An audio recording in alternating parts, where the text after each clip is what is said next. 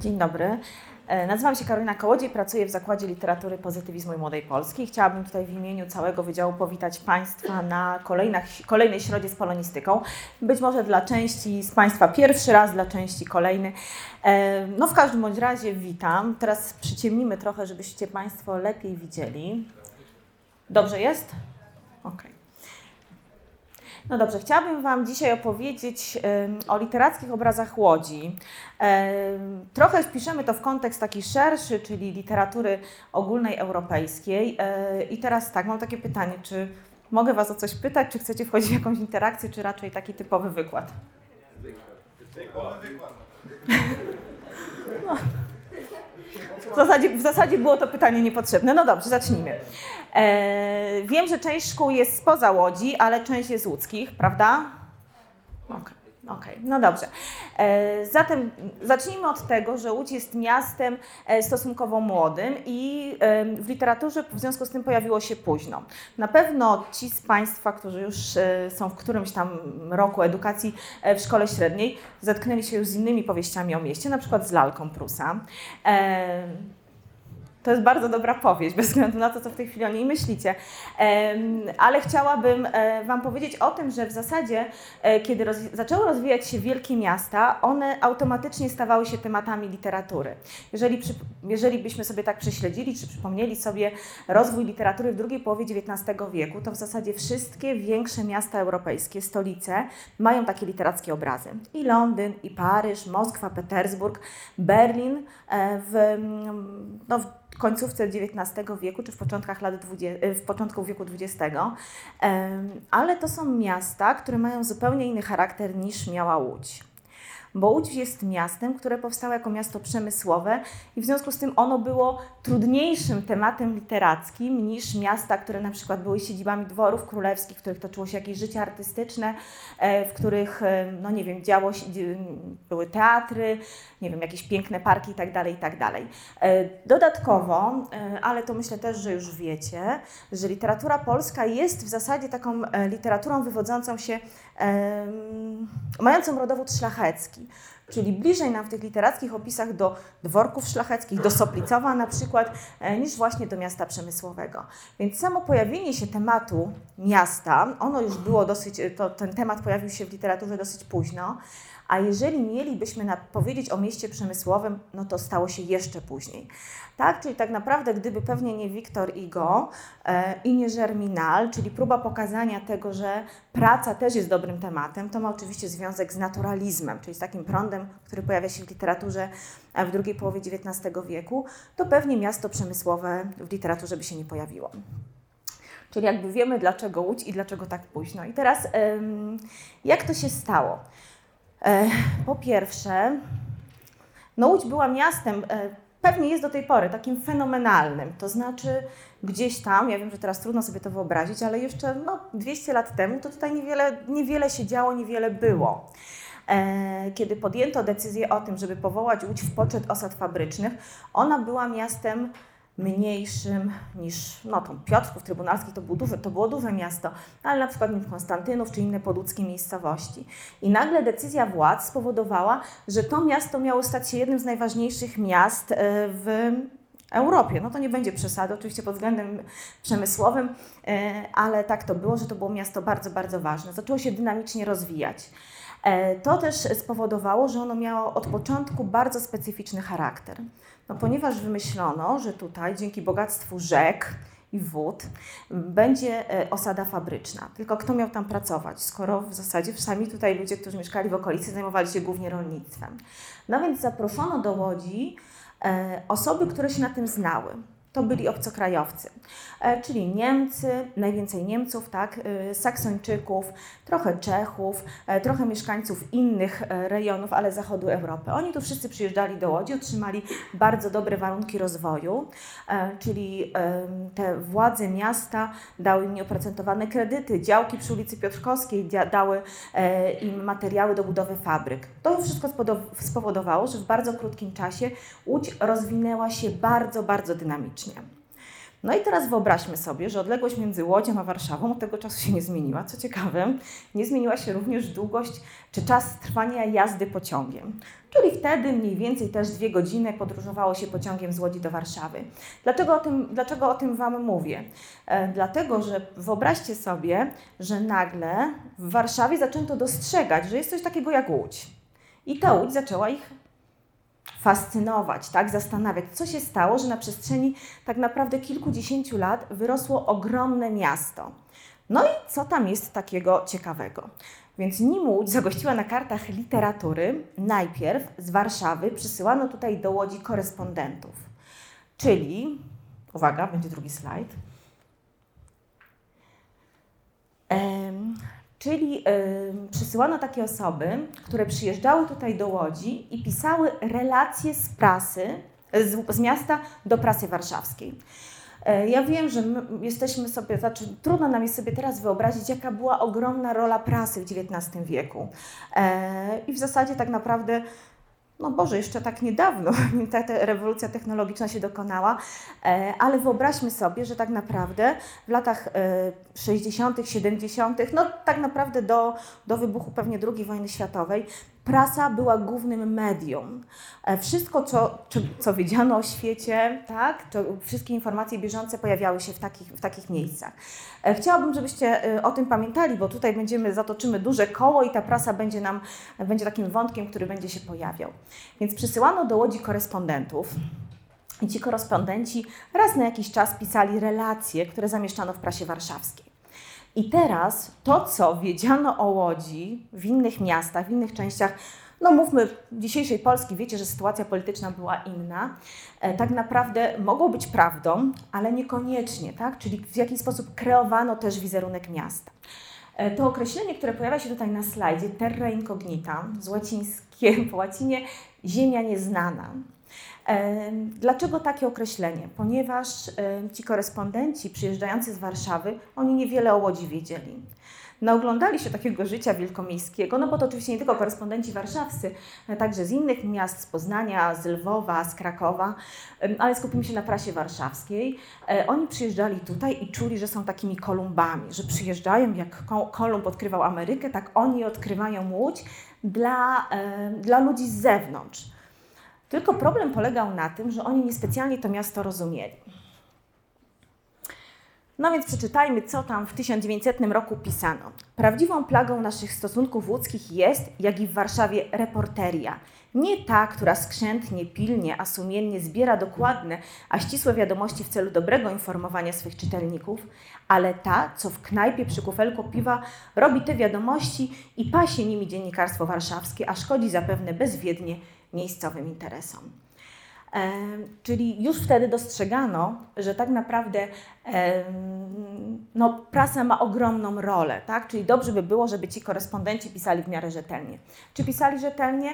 No nie bardzo, bo przyjeżdżali i mm, przyjeżdżali z takiego miasta jak Warszawa, tak? nie wiem, spacerując sobie po Starym Rynku, po Łazienkach, przyjeżdżali, to się okazuje tak, no niespecjalnie to miasto wygląda tak samo. Po pierwsze, z daleka, kiedy przyjeżdżali pociągiem, widzieli las kominów. E, po drugie, fabryki. Po trzecie, miasto wielonarodowościowe. Tak, w Warszawie oczywiście też to było, ale ten problem nie był aż tak widoczny, czy to zjawisko, nie problem.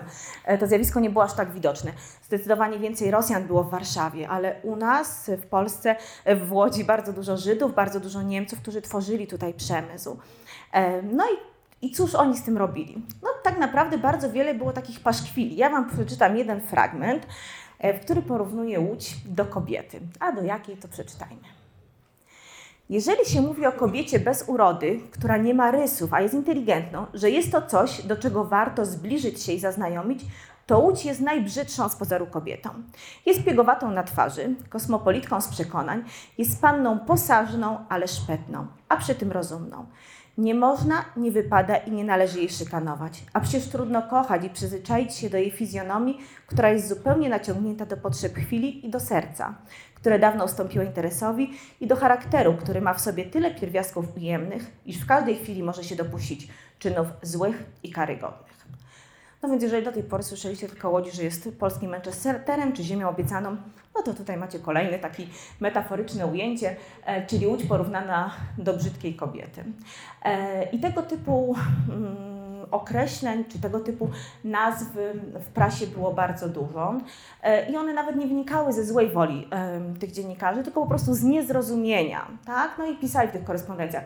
No, miasto może nie jest takie złe, no ale nie ma teatrów, nie ma parków, nie ma bulwarów, czyli porównywali to, co zastali w tym mieście, tworzonym przecież na zupełnie innych warunkach, z tym, do czego byli przyzwyczajeni. I to niezrozumienie doprowadziło do tego, że ten opis miasta był e, taki przekręcony trochę.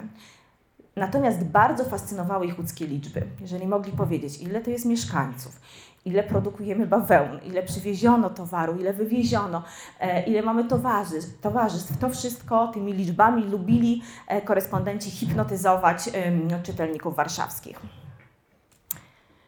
No dobrze, pierwszy taki ważny tekst, który o Łodzi powstaje, to jest opis miasta Łodzi pod względem historycznym, statystycznym i przemysłowym, wydany w 1853 roku. Zobaczcie, bardzo wcześnie, pióra Oskara Flata. To jest no, tytuł w zasadzie sugeruje nam, że nie jest to dzieło literackie. Ale też i czas, w którym ono powstaje, jest w zasadzie taki, że mm, nawet jeżeli pisano szkice publicystyczne, a taki w zamierzeniu był e, ten szkic Oskara Flata, on miał jednak rys literacki. Przeczytam Wam fragmenty, żebyście zobaczyli, jak pisano kiedyś rzeczy e, takie ściśle naukowe. Czyli Oskar Flat, 1853 rok przedsłowie, czyli jakby takie wytłumaczenie się, dlaczego tym tematem w ogóle się zajmuję. Oto pobudki, jakie skłoniły mnie do skreślenia niniejszego opisu, a Łódź właśnie dla szczególnie ważnych obrałem przyczyn. Nie mamy w całym kraju miasta, które by tyle co Łódź zawdzięczało przemysłowi. Miasta, które by przez przemysł zupełnego zapomnienia, z zupełnej nicości podniosło się na ten stopień zamożności i rozwoju. Miasta, w którym by wydatniej przejawiało się życie fabryczne. Słowem miasta więcej typowo fabrycznego. Łódź przoduje u nas całemu przemysłowi bawełnianemu i przez to na szczególną zasługuje uwagę że na jej tle wydatnie określa się i cały rozwój, i wszystkie zmienne koleje, jakie odznaczały przemysłowe życie nasze, od zaczątku jego przez całe ubiegło trzydziestolecie. E, czyli ten fenomen miasta przemysłowego. To fascynowało Flata, e, to badał, to, e, ten utwór podzielony jest na kilka części, zajmuje się i przemysłem, e, i problemem narodowościowym, i ukształtowaniem miasta. Tutaj mam jeszcze jeden fragment, ale myślę, że Wam już go daruję. W każdym razie utwór ten też ma takie znamie, znami, znamiona baśni, tak? Bo Oskar Flat zaczyna tak przed laty 30, niedaleko Warszawy, wyrosło miasto. No tak nie pisze się w tej chwili prac naukowych, tak? No więc e, ta atmosfera towarzysząca rozwojowi Łodzi, takiego troszeczkę e, miasta powołanego znikąd, mm, e, była też w tym tekście widoczna. Wiktor Dłużniewski e, to pierwsza, pierwsze teksty literackie poświęcone, to autor pierwszych tekstów literackich poświęconych Łodzi. E, chciałabym, żebyście mieli też świadomość tego, że Łódź, tak myślę, do kiedy, przez bardzo długi czas nie dorobiła się pisarza pochodzącego stąd. Tak? To znaczy ci, którzy opisywali Łódź, przyjeżdżali do niej. I to znowu Volta, bo jeżeli przeczytacie, będziemy o tym mówili na końcu, współczesne teksty dotyczące Łodzi, to znowu tak się dzieje, że Łódź jest miastem fascynującym ludzi przybywających z zewnątrz ale wtedy sytuacja była inna, bo tutaj nie było szkół, tak, nie można było zdobyć wykształcenia, więc te osoby, które opisywały Łódź, nie tylko korespondenci, ale także literaci do Łodzi przyjeżdżali. Wiktor Dłużniewski przez jakiś czas pracował w Łodzi jako nauczyciel, no i wtedy z miastem się zapoznał. On napisał dwa utwory. Pierwszy, tutaj macie kartę rękopisu Wyprawa do Ameryki, dzieło sceniczne, taki quodibet, czyli taki utwór e, będący zbiorem luźnych scen dotyczących życia Łodzi, ale e, zawierający mało wskazówek topograficznych. I drugi utwór, którego fragment też Wam chciałam pokazać, to Paweł Łodzia-Kubowicz, czyli też taki utwór drukowany, który, który nawiązuje do legendarnych początków naszego miasta. E, co jest ciekawe, już w tych tekstach, no znowuż, mamy człowieka, który przyjeżdża z zewnątrz, patrzy na miasto e, w sytuacji kraju, który jest rozbity między trzech zaborców. Przypomnijcie sobie Sienkiewicza, przypomnijcie sobie Prusa. E, ich największą bolączką czy największą troską było utrzymanie polskości. Tak?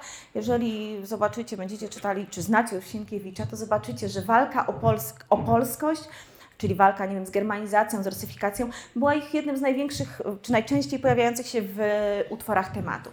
No więc jeżeli takie osoby przyjeżdżały do Łodzi i widziały tutaj, że jest to miasto wielonarodowościowe, w którym te nacje mniej lub bardziej harmonijnie, ale jednak współistnieją, no to dla nich to, był taki, to była taka rzecz niepokojąca. No i właśnie Wiktor Dłużniewski e, też w tych swoim utworze Paweł Łodzia-Kubowicz bardzo negatywnie postrzega Niemców. To znaczy zauważa, że to jest miasto, które jest przez Niemców zdominowane, że Niemcy są, no padają tu różnego rodzaju nie, epitety, może niekoniecznie politycznie poprawne, ale że są szujami, tak, że są szubrawcami, że są wyzyskiwaczami. Tak Dłużniewski już wtedy o Łodzi pisze, ale być może wynika to także z niezrozumienia e, tych miejscowych warunków. Łódź w jego utworze też jawi się jako takie miasto bardzo nowe, nowoczesne, że jeszcze niektórzy pamiętają, jak tam były puszcze, po których hasały zwierzęta, a teraz na tym miejscu pojawia się, e, pojawiają się fabryki. też są lata 50., 60. XIX wieku. No i zobaczmy, jak wygląda fragment mm, Pawła Łodzi Kubowicza. Tu, gdzie dziś długie ulice z głazu, gmachy jak zamki, zbrojne w maszyny, a w nich jak wieże wzniosłe kominy, gdzie jak namioty w długim szeregu gonią się domki w milowym biegu, gdzie teraz słychać wózki, sandały lub jednostajne tkaczów warsztaty, tu w dzikiej puszczy się rozlegały dzięciołów lub też bydła kołaty i to niedawno, boś nie tak stary, a mogłeś jednak bezdrożną knieją biec za jeleniem, tu gdzie dym szary lub gęstą, karą, gęstą parą kominy zieją.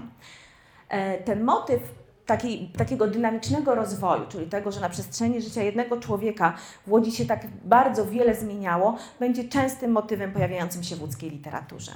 Jeszcze na jedną rzecz chciałam zwrócić Waszą uwagę, nim, nim przejdziemy dalej, że w zasadzie mówiąc o literaturze opisującej miasto, e, tu szczególnie pewnie Łódź, skupiłam się na tekstach prozatorskich, dlatego że liryka, spokojnie, tu wim będzie. E, liryka jest takim, e, takim, taką materią, która jest bardziej ulotna, tak? To jest zapis emocji, e, ale jeżeli szukamy opisu miasta, to szukamy konkretnych topograficznych odniesień, tak? Jak to, jakiś przedmiot, jakaś przestrzeń miasta zostaje przyniesiona do literatury, tak?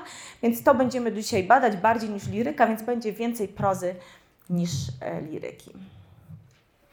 Pewnie znane Wam nazwisko Gabriela Zapolska, e, pisarka naturalistyczna. Ona poświęciła Łodzi dwa utwory, Z miasta zbrodni i Przyjdź królestwo Twoje, no tytuły takie też mocne. 1889 i tego fragment Państwu przeczytam. E, no i kolejny, tuż przed rewolucją, to był taki moment bardzo ważny w dziejach Łodzi i e, historii łódzkiej literatury. Więc zobaczmy, jak naturalistka o Łodzi pisze. Ściemniało powoli. Czerwone mury fabryk wznosiły się, błyskając z daleka rzędami kolejno oświetlających się okien. Olbrzymie te budynki odcinały się z wielką czystością na tle ciemniejącego nieba. Las kominów strzelał do góry, las gęstych, prostopadłych, wąskich rur żelaznych lub murowanych balustradką u góry obwiedzionych. Poza fabrykami rozciągały się czarne, ponure płaszczyzny zlewające się z linią horyzontu. U stóp czerwonych murów tuliły się małe drewniane baraki. U góry strzeliły nagle miliony świateł. Tysiące okien fabrycznych rozgorzało wspaniałą iluminacją, jak miasta włoskich wybrzeży w czasie uroczystości. Ta orgia światła zdawała się płynąć wewnątrz budynków potokami całymi i wylewać się na zewnątrz. Z daleka cała łódź gorzała, pławiąc w jakiejś purpurowej powodzi. Ponad domami, nad lasem kominów fabrycznych, krwawiła się łuna, rozjaśniając ciemniejące niebo. Eee, tym opisie Flata, e, w tym i w wielu innych, tak jak już Wam mówiłam, e, ten, e, takim charakterystycznym rysem miasta są kominy. Dlatego nikogo nie dziwił, nie dziwił taki pasos kwiatów polskich, kiedy Tuwim nazywa Łódź kominogrodem. Tak? Dzisiaj tych kominów w Łodzi nie znajdziemy, e, ale wtedy one faktycznie wyznaczały e, charakter miasta. E, oświetlenie, tak? to też, to też no, odcinało wielkie miasto wtedy od tych przedmieści. Teraz jak dojeżdżacie do jakiegokolwiek miasta, to się ciągną przedmieścia, tak? ludzie tam mieszkają, uciekają, żeby mieszkać gdzieś poza miastem, a wtedy nie było tak. Był las, las i wielkie miasto. Jedno z jednej strony pomyślcie sobie kolei warszawsko-wiedeńskiej Warszawa, po drodze ważna stacja Koluszki e, i potem Łódź, a między tym po prostu, po prostu las. E, więc Gabriela Zapolska w ten sposób bardzo poetycki, potem chyba dopiero Raymond tak pięknie o Łodzi pisał, tak pięknie o Łodzi właśnie w tym mm, napisałam. No i przejdźmy do powieści, już stricte utworów powieściowych. E, Waleria Merene Moszkowska. To jest pisarka, która jako pierwsza podjęła łódzki temat e, w swojej powieści. Ale to nie była prosta droga.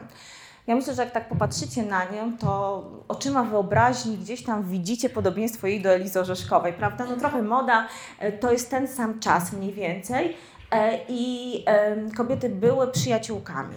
Tak, to znaczy one faktycznie się przyjaźniły. Mówię o tym też dlatego, bo to rzutowało e, na to łódzkie zainteresowanie Walerii Moszkowskiej. Była pisarką pozytywistyczną e, drugiego, może trzeciego rzędu, bardzo popularną w, w tamtych czasach. E, nad Niemnem, przy tym co pisała Moszkowska, jest powieścią wartką, interesującą i zaskakującą. Czyli były to takie, e, pisała bardzo dużo Waleria Moszkowska, ale były to utwory, które literacko nie były szczególnie dobre, e, ale podejmowały tematy ważne dla pozytywistów, czyli sytuacje kobiet, sytuacje dzieci, dotyczyły problemu wychowania itd., tak itd., tak małżeństwa. Waleria Maryna Moszkowska pisała też odwrotnie z Warszawy korespondencję o życiu kulturalnym do prasy łódzkiej tak? Czyli ona w Łodzi jakby była znana. E, I teraz musimy zrobić znowu woltę do prasy. Tytuł, myślę, który znacie, Dziennik Łódzki. E, I dwie bardzo ważne osoby. Henryk Elzenberg, warszawski prawnik, e, i ten pan brodaty bliżej mnie to Edward Herbst, zięć Karola Scheiblera, właściciela Księżego Młyna. Dlaczego taka wolta? Ponieważ kiedy obserwowano korespondencję z Łodzi w prasie warszawskiej, postanowiono, że może zamiast czekać na to, co napiszą korespondenci, zlecić komuś napisanie powieści. Powieści, która będzie opiniotwórcza, jeżeli chodzi o Łódź. Czyli zobaczcie, był to zabieg taki marketingowy, tak? I wtedy właśnie Edward Herbst, który był pomysłodawcą stworzenia Dziennika Łódzkiego, pierwszej polskojęzycznej gazety w tym wielonarodowościowym mieście, wpadł właśnie na pomysł, żeby na łamach Dziennika Łódzkiego ukazywała się łódzka powieść. No więc szukano, kto tę powieść może napisać. E, redaktorem, współtwórcą e, i taką osobą, która wspierała e, Edwarda Herbstwa w dążeniu do, do stworzenia tej łódzkiej gazety był właśnie Henryk Elzenberg, warszawski adwokat, który przyjechał do Łodzi. Tutaj w Łodzi się bardzo dobrze zakorzenił. No i właśnie on stwierdził, że poprosi o napisanie powieści swoją przyjaciółkę Elizę Orzeszkową. Ten ich związek, relacja była bardzo bliska, oni ze sobą wiele korespondowali.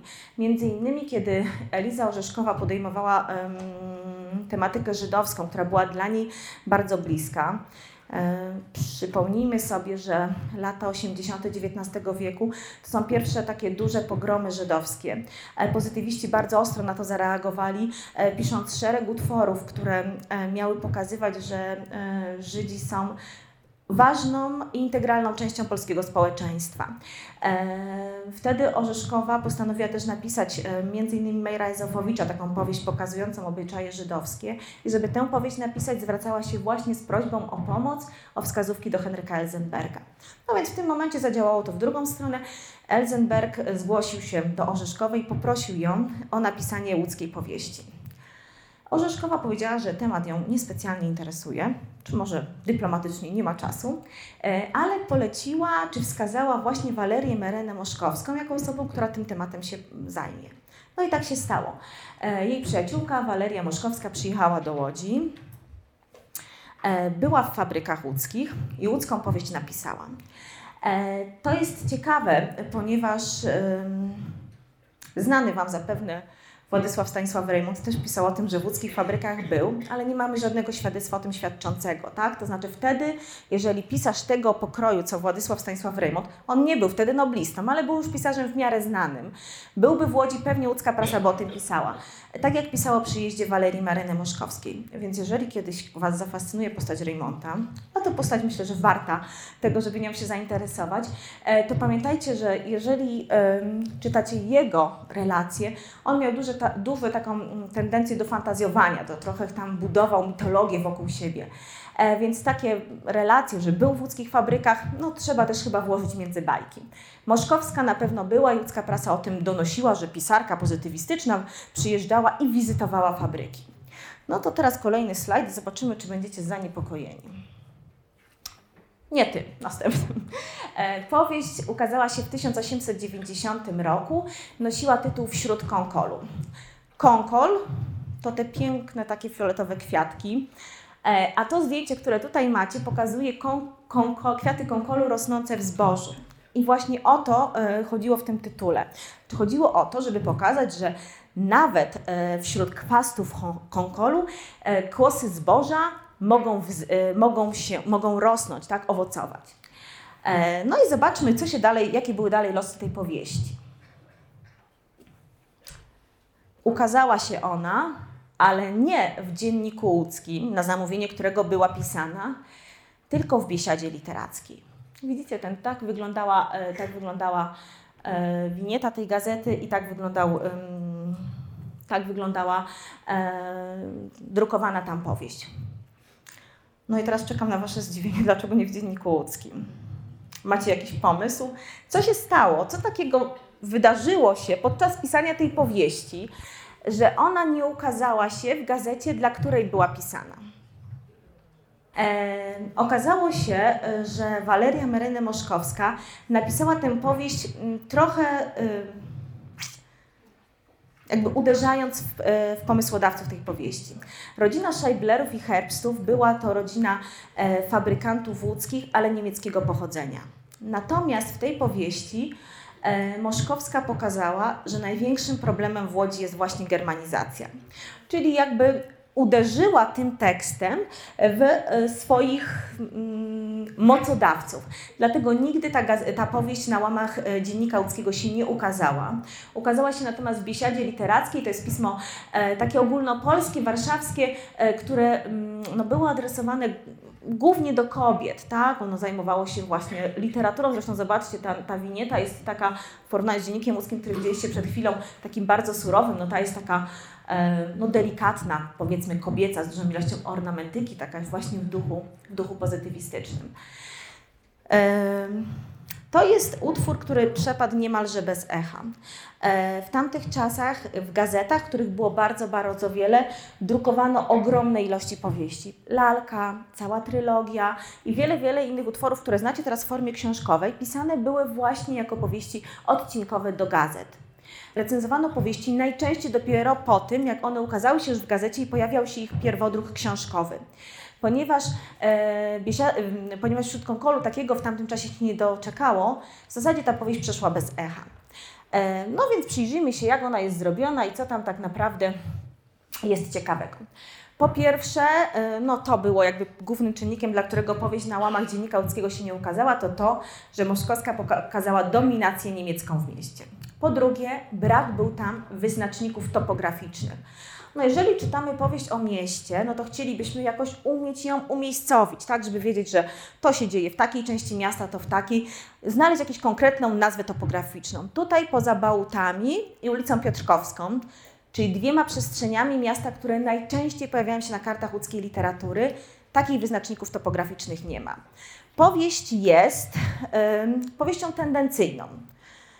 E, czyli Moszkowska zakłada sobie, mm, mam nadzieję, że wiecie, co to jest powieść tendencyjna, więc ja tylko tak porządkująco, e, zakłada sobie autor pewną tezę, do której nagina fakty, aby tą tezę u, e, udowodnić.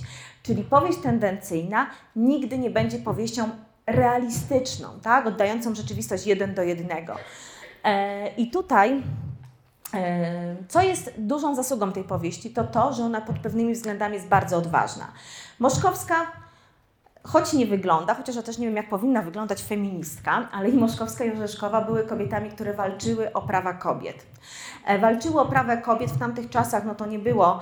Um, no nie można było tego uznać za fanaberię, tak? To znaczy chodziło o to, żeby kobiety miały e, dostęp do edukacji takiej, która zapewni im możliwość utrzymania siebie i swojej rodziny w życiu, tak? Jeżeli cokolwiek się zdarzy i możliwość dostępu do pracy.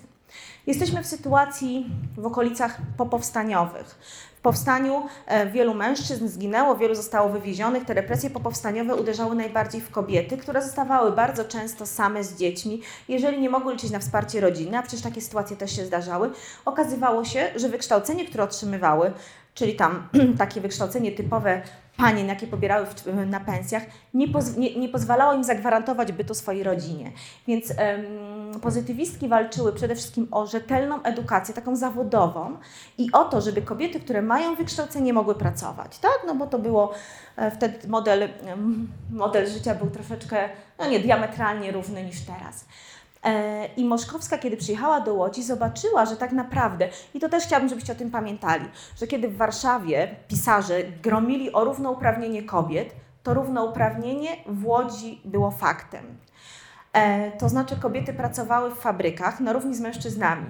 Czy to był objaw feminizmu? Oczywiście, że nie, tak? bo feministka to jest taka kobieta, która podejmuje świadomie wybór. Chce, nie chce, chce pracować, nie chce pracować, chce mieć dzieci, nie chce mieć dzieci, chce mieć rodzinę i tak dalej, i tak dalej. Tu sytuacja była inna, bo łódzkie kobiety musiały pracować, żeby móc utrzymać swoją rodzinę, tak, żeby pomóc mężczyznom, e, mężom, najczęściej tak braciom, utrzymać rodzinę. Więc to nie była kwestia wyboru, chce, nie chce, tylko kwestia wyboru przeżyje, nie przeżyje, tak? Ale ta, to równouprawnienie w łódzkich fabrykach było faktem. Też powiem tak, może sama sobie zaprzeczę, nie do końca, ponieważ kobiety zarabiały zdecydowanie mniej e, niż mężczyźni. E, ale właśnie ta powieść pod pewnymi względami jest powieścią bardzo odważną. To znaczy, pokazuje Moszkowska po pierwsze sytuację kobiet w fabrykach. No wyobraźcie sobie teraz, e, dzisiaj mówi się o molestowaniu, tak? Takiego języka użyjemy. E, wtedy to było faktem, tak? Praca kobiet w fabrykach powtórzę, praca, która zapewniała przeżycie rodziny, bardzo często e, była uzależniona od tego, czy taka kobieta przyjęła awansę, tak to się mówiło wówczas, majstra czy jakiegoś wyższego robotnika, e, wyższego stopniem e, urzędnika fabrycznego. Jaka była alternatywa? O tym Moszkowska pisze. Jeżeli taka kobieta nie zgadzała się, no to traciła ona pracę, tracił pracę jej mąż, bo to nie, był, nie była żadna przeszkoda, ojciec, brat, cała rodzina. Więc jakby kobiety były też postawione w takiej sytuacji e, bardzo niekorzystnej. I o tym Moszkowska pisze. Później już żaden chyba inny literat tak wyraźnie tego wątku e, w łódzkich e, tekstach nie podejmował. Może też jest to kwestia tego, że pisze o tym kobieta i być może akurat na to zwróciła uwagę. Druga rzecz, o której też pisze bardzo odważnie, e, to jest praca dzieci w fabrykach. Jeżeli teraz, nie wiem, macie takie chwile zwątpienia, że szkoła to jest B, moje dziecko codziennie rano na przykład, to mówię, tak sobie myślę, że no, 150 lat temu to by zasuwał do fabryki w zasadzie. Nie, nie, nikt by na to nie patrzył, tak? Więc w łódzkich fabrykach pracowały dzieci tak naprawdę 6-7-letnie, tak? Już, po kilkanaście godzin. Za jedną trzecią, jedną czwartą często pensji, którą zarabiali mężczyźni. E, I o tym, jak ta praca wpływała na te młode organizmy, e, Moszkowska pisze. Przypom znaczy na pewno pamiętacie, że mm, w pozytywizmie ten pro problem dzieci był bardzo istotny. Jeżeli prześledzicie tytuły nowelek, które pewnie czytaliście, no to mamy tam tych Antków, Janków muzykantów, e, ich siostry, tak, dzieci, które, no i wiele, wiele dziesiątków tekstów poświęconych tej problematyce. Tutaj y, Moszkowska też pokazuje, jak ta praca działa na dzieci. No i przeczytajmy fragment. Dzwon wygłaszał dwunastą. Z fabryki wysypał się tłum nędzny, blady, wyczerpany, złożony z mężczyzn, kobiet, dzieci. Dzieci szczególnie wyglądały jak stare, wśród twarzyczek pozbawionych jędrności i czerstwej barwy. Obwisłych, ziemistego koloru, świeciły gorączkowo oczy podkrążone. Chude ich nogi dźwigały z wielką trudnością ociężały korpus, a na bladych obliczach wielu widać było zupełne stępienie umysłu. E, no to nie jest literacko słaby fragment, ale ten tekst nie jest literacko dobry. Chciałabym pokazać Wam też, jak ona przedstawia przestrzeń Bałt. To jest taka przestrzeń, która w literaturze łódzkiej jest najbardziej zmitologizowana. Bo to największa podłódzka wieś dołączona trochę ponad 100 lat temu do Łodzi, kiedy włączana była w granicę Łodzi, była największą wsią na świecie, e, ale była takim miastem, które, takim miastem, tak, mm, które e, było siedliskiem głównie robotników, czyli tak naprawdę bardzo biednych ludzi. I Moszkowska, która jest pozytywistką, jak wiemy, pozytywiści, praca organiczna, praca u podstaw, oni powinni chcieć zmieniać takie przestrzenie, no to tutaj ona razem ze swoim głównym bohaterem, który jest lekarzem, pozytywistą i przyjechał do Łodzi z, mm, walczyć z chorobami cywilizacyjnymi, idzie na bałty, obserwuje i w zasadzie nic więcej z tym nie robi. Zobaczmy, jak te bałty są pokazane. Teraz znaleźli się wśród niskich, w ziemię zapadłych drewnianych domków, podobnych do chat opuszczonych, stojących rzędem przy wilgotnej, przemarzniętej kałużami ulicy. Można było zapomnieć, że o kilkadziesiąt kroków miasto fabryczne wrzało gorączkowym ruchem. Tutaj ruch ten był innego rodzaju. Przed domami, korzystając z bladego jesiennego słonka, wiło się mrowisko istot, na których nędza położyła swe piętno. Były to kobiety karmiące żółte jak wosk niemowlęta, suchotnicze dzieci, mężczyźni wstrętnej powierzchowności.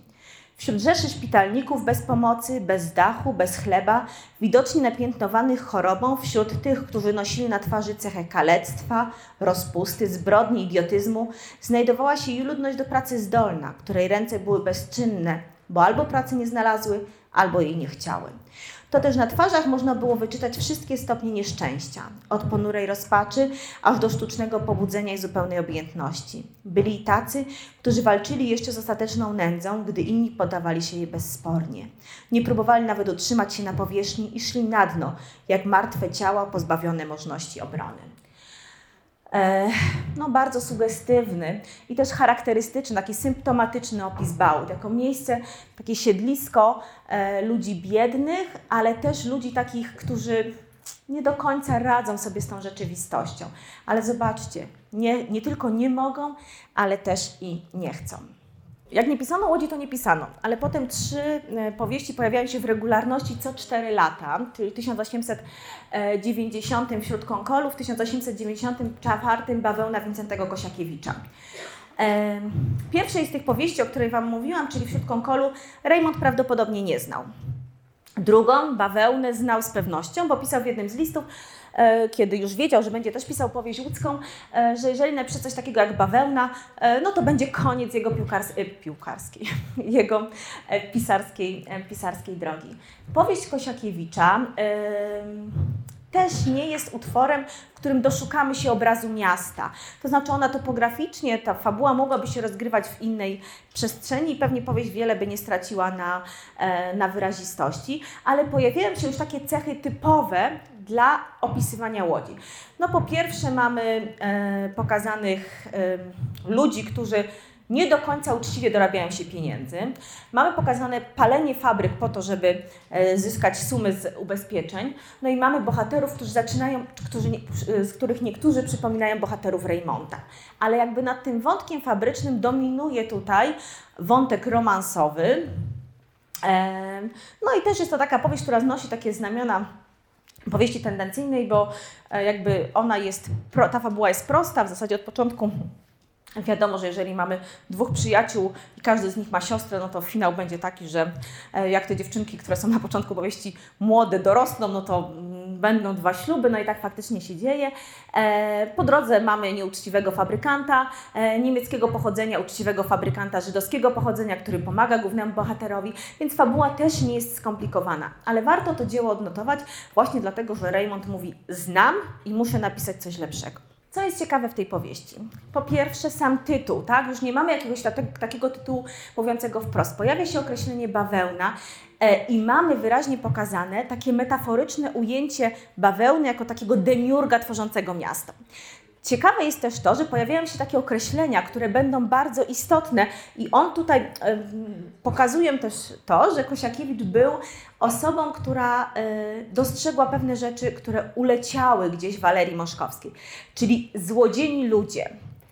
E, złodzieni ludzie, no to jest coś takiego jak za chwilę wy, u Raymonta wybrzmi mocniej lodzer męż, tak? Czyli o tym będę chciała też Wam powiedzieć. Człowiek wywodzący się z łodzi, człowiek utożsamiający się z łodzią. E, I zbawełniałe miasto. Miasto, które powstało dzięki bawełnie. E, dlaczego o tym, dlaczego to jest istotne? Dlatego, że też w, wówczas w prasie e, pojawiały się bardzo często takie określenia, że Łódź e, jest jednym z najbardziej, a może najbardziej, przepraszam, jest najbardziej europejskim z polskich miast. Ona mogłoby istnieć bez Warszawy, Krakowa, Lwowa, Poznania itd., tak itd., tak ale nie mogłoby istnieć bez e, bawełny, którą przywozi się z Dalekiego Wschodu, bez bawełny, którą przywozi się, nie wiem, z Ameryki Południowej, z Indii, bez rosyjskich rynków zbytu. Czyli e, te linie łączące Łódź były silniejsze, te linie, które łączyły Łódź z miastami europejskimi, niż z tymi, które były w najbliższym sąsiedztwie. No i zobaczmy, jak pięknie metaforycznie o bawełnie pisze Kosiakiewicz.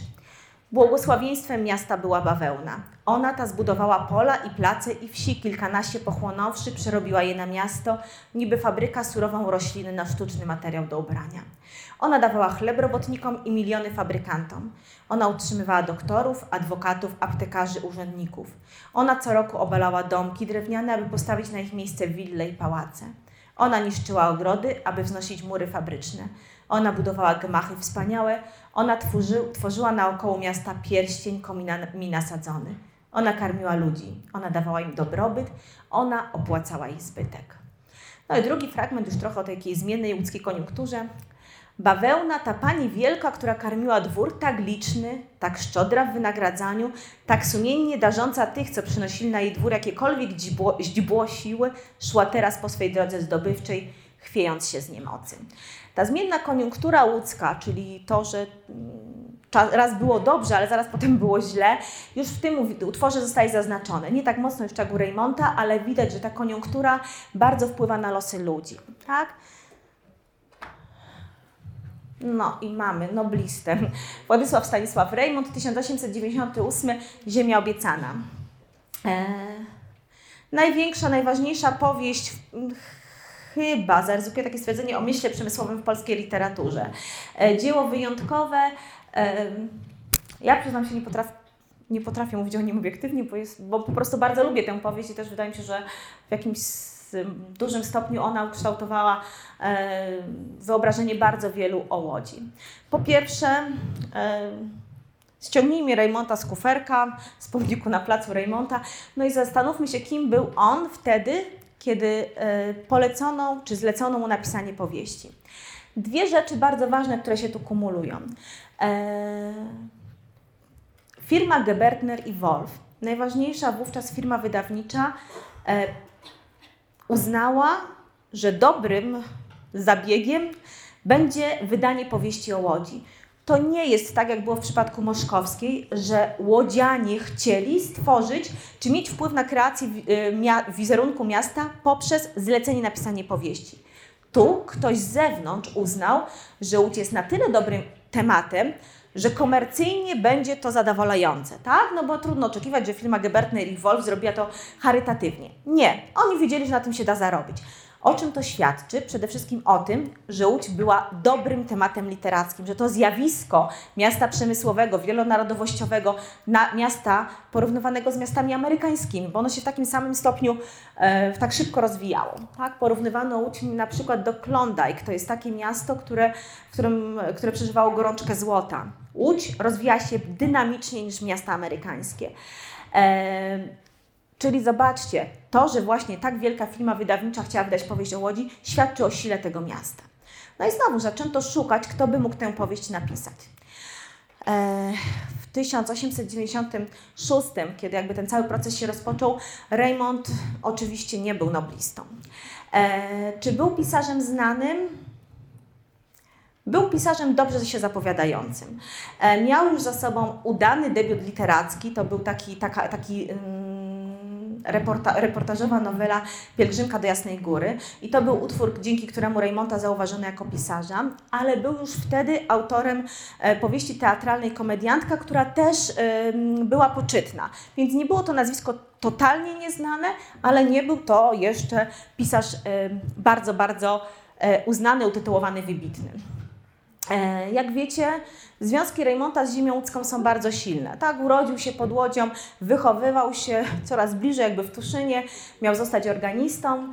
E, to jest postać niezwykle barwna. Jego relacje z ojcem, bardzo trudne, skomplikowane, doprowadziły do tego, e, że jakby nie zgadzając się na drogę, którą obrał dla niego ojciec, czyli na to, że miał być organistą, krnąbrnego syna wysłano do najstarszej siostry, która była już zamężna w Warszawie i tam miał pobierać nauki. No więc pisarz to żaden zawód, w związku z tym wysłano Reymonta do szkoły krawieckiej.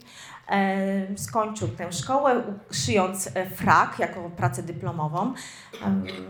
To jest też ciekawe, ponieważ jest to jedyna szkoła, z której jakby zachowały się świadectwa, że Raymond ją ukończył. O innych szkołach, o których mówił, że kończył, no takich świadectw nie mamy, więc znowuż możemy to włożyć między bajki albo mieć nadzieję, że może gdzieś zaginęły dokumenty. Tę szkołę na pewno kończył. W Warszawie zachłysnął, się teatrem.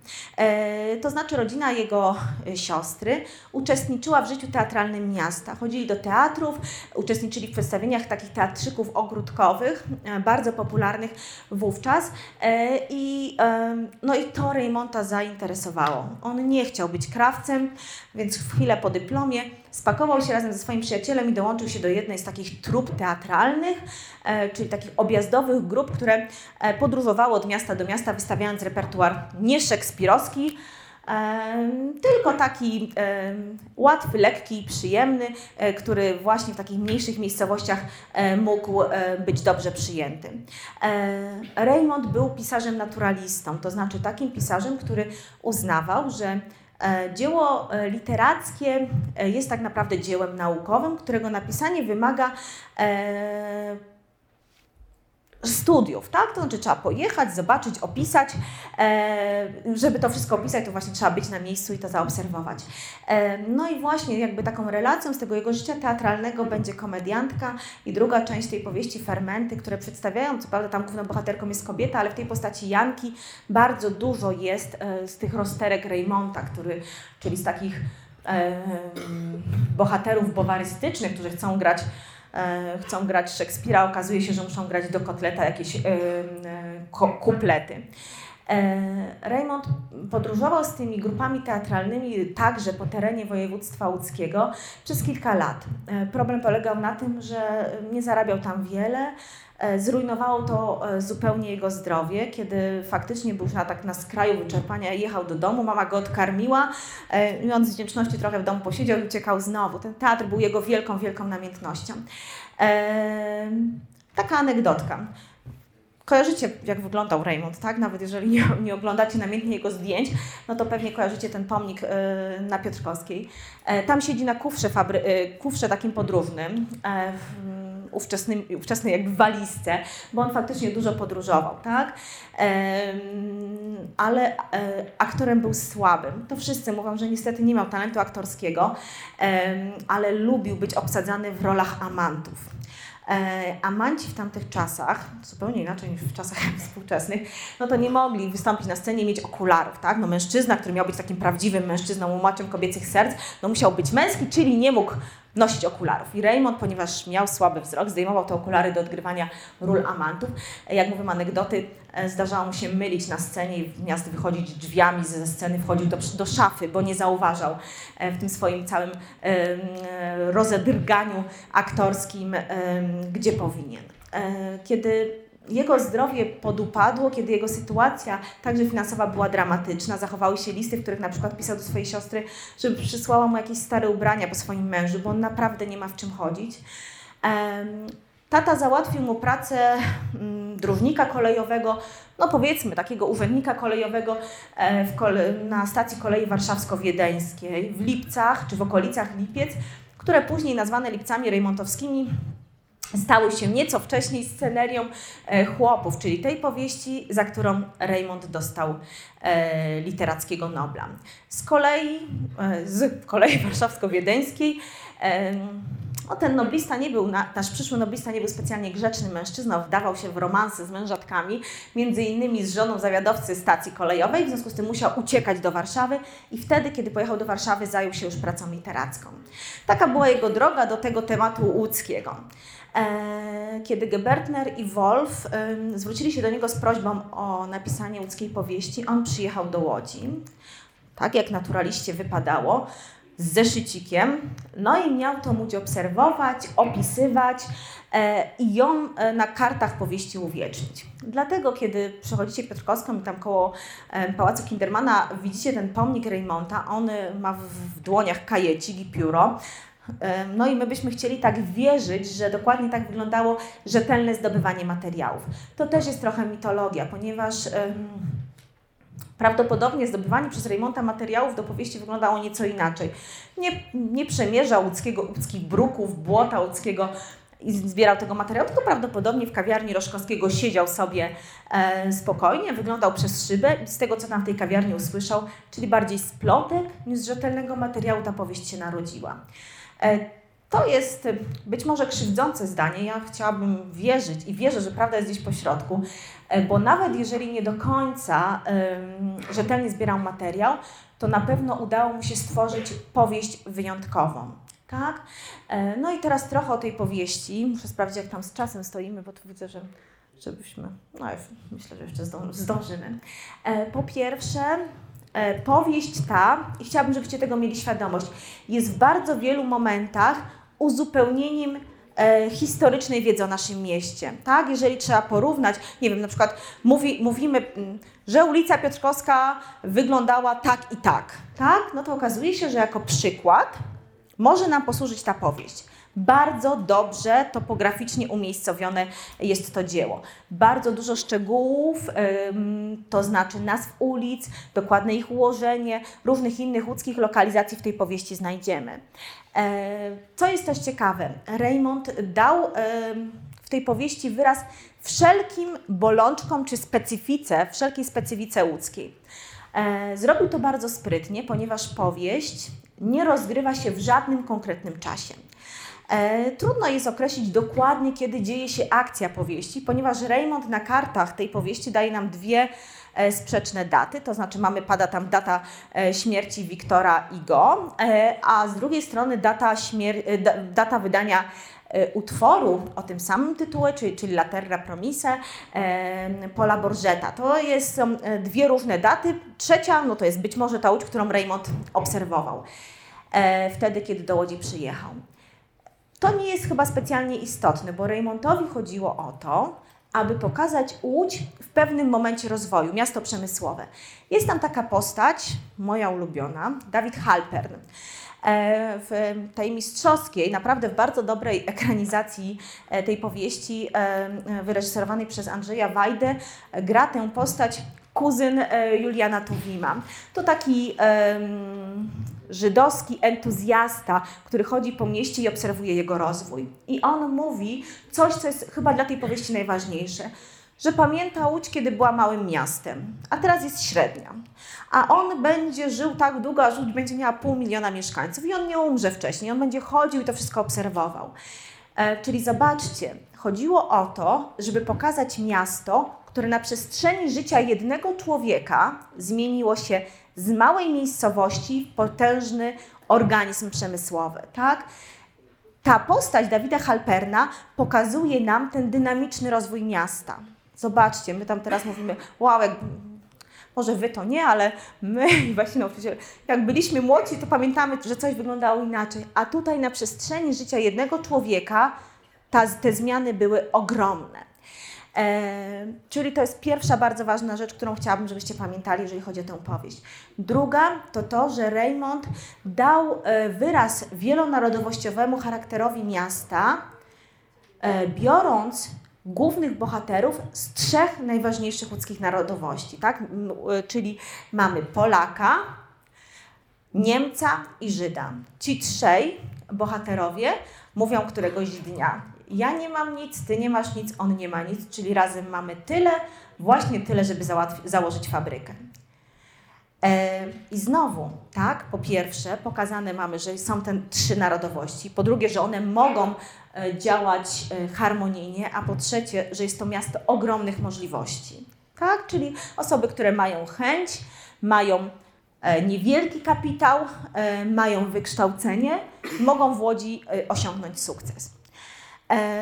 Bardzo sielankowy wydaje się na początku ten obraz Łodzi, do tego rzucimy ten tytuł Ziemia obiecana. No wydaje nam się, że jest świetnie. No dobrze, to teraz zaryzykuję, czy ktoś z Was czytał? Znaczy nie pytam nauczycieli, bo to wiem, ale... A, a chociaż obejrzeliście film? Widzieliście? Też nie. No dobrze. To macie sporo jeszcze do nadrobienia. Um, no tak, widzieliście to teraz też o filmie trochę chciałam Wam powiedzieć. Um, więc mamy miasto, które stwarza możliwości. E, I teraz pokazuje Raymond bardzo wiele takiej łódzkiej typowości. To znaczy, że trzeba być żarłocznym, e, żeby tutaj osiągnąć ten sukces, tak? Że czasami trzeba się upodlić, zrezygnować z pewnych cech takich, które w innym mieście, e, o, o których wyrzeczeniu się w innym mieście człowiek by nie pomyślał. W Łodzi takie rzeczy się zdarzają. No i cóż się dzieje dalej? Powieść zostaje przyjęta bardzo... żywiołowo. Chciałam powiedzieć entuzjastycznie, ale to może nie będzie dobre określenie, żywiołowo. Wzbudza ogromne, e, wzbudza ogromne zainteresowanie. E, Raymond i to też jest kolejny mit, który chciałabym obalić. Nie pisze całej Ziemi obiecanej, siedząc w Łodzi i skrzętnie tutaj notując i um, zobaczyłem co dzisiaj na spacerze, to wplotę to w swoją powieść. Nie. Kończy pisać tę powieść um, w Paryżu.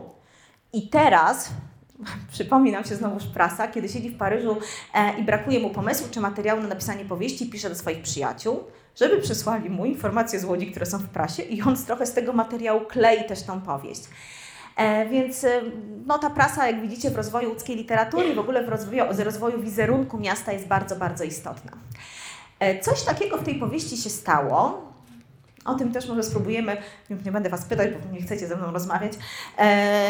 Coś takiego się stało w tej powieści, e, że Raymond po ukazaniu się Ziemi Obiecanej do Łodzi już więcej nie przyjechał. No więc poszukajmy, co takiego tam było niepokojącego. E, pierwsze zarzuty, jakie padały pod adresem Raymonta, to to, że jest to powieść antysemicka że w taki sposób pokazał e, narodowość żydowską, a czy może inaczej, że Przykładem było tutaj zestawienie dwóch bohaterów. Moryca Welta, czyli żydowskiego, tego Żyda, głównego bohatera i jego przyjaciela e, Karola Borowieckiego. Pokazane jest w powieści, że oni są bardzo do siebie podobni że Welt, ale Welt jest y, z, gotowy zrobić wiele więcej świństw niż Borowiecki. No i Raymond nie tłumaczy tego inaczej, jak tym, że Borowiecki jest polskim szlachcicem, a Welt y, Żydem, dla któremu to wyrzeczenie się takiej porządności y, je, przychodzi zdecydowanie łatwiej. Fabuła powieści czy jakby ta powieściowa intryga rozpoczyna się od tego, że e, Karol Borowiecki, czyli ten polski przemysłowiec, as, przepraszam, aspirujący do miana przemysłowca, e, znajduje w mieszkaniu swojej kochanki depeszę e, o tym, że będzie wzrastała cena e, bawełny. Więc jest szansa, żeby wykorzystać tę informację. E, przychodzi do, do, do mieszkania, które zajmuje ze swoimi przyjaciółmi, e, zastaje Welta, e, no i mówi mu o tym. No więc Welt proponuje, żeby ten interes zrobili w, w, we, dwu, we dwóch zamiast we trzech i się dzielić dodatkowo zyskami z Baumem. No więc już widzimy, tak, pierwsze szubractwo. To właśnie Welt kilkakrotnie w tej powieści przez Bauma również zostaje nazwany świnią, bo faktycznie robi bardzo wiele, aby podkopać sytuację czy pozycję swoich przyjaciół. Tego nie robi Borowiecki. No więc właśnie prasa, e, na przykład Izraelita, czyli taka prasa gazeta polskojęzyczna, ale prze, przeznaczona właśnie dla Żydów, zwraca uwagę na ten aspekt. Drugą taką postacią jest postać kobieca, Meli, no, która kreowana jest na taką postać wyjątkową, a potem się okazuje, że też no, Raymond jakoś nie potrafi tej postaci poprowadzić konsekwentnie. To, będą, to będzie jakby jedna grupa zarzutów kierowanych pod adresem Raymonda. Druga, e, którą wysuwali łodzianie, on o tym pisze w listach, że bardzo łodzianom się nie podoba wizerunek dwóch głównych fabrykantów, którzy się tu pojawiają, e, czyli Buchholca e, i Shai Mendelsona. Wiecie, literatura to nie jest fakt, tak? To znaczy możemy mówić o literaturze faktu, możemy mówić o literaturze realistycznej, ale zawsze musimy wiedzieć, że jest to pewna, pewnego rodzaju fikcja. W tej powieści pojawiają się, pojawia się dwóch fabrykantów. Jeden jest bogatym fabrykantem, który ma osiedle e, fabryki, e, fabryki z czerwonej cegły, osiedle robotnicze i obok park i, e, jest Niemcem, a drugi ma wielki pałac, fabryki i jest Żydem no wiemy, znaczy tam domyślamy się, że chodzi o, um, o Scheiblera i o Poznańskiego, tak? To oczywiście te, te życiorysy są nagięte, te postaci też są zdemonizowane i tak dalej, i tak dalej. Ale Raymond mówi, że tak mu z Łodzi wygrażają za obraz przemysłowców, że powiedzieli, że jeżeli się w Łodzi pojawi, to go obiją. Trochę chyba się musiał obawiać, bo tak jak powiedziałam, w Łodzi więcej już się nie pojawił. I jeszcze jedna taka grupa zarzutów, która się pojawiała pod adresem Raymonta jest taka, zobaczcie, 1898 rok.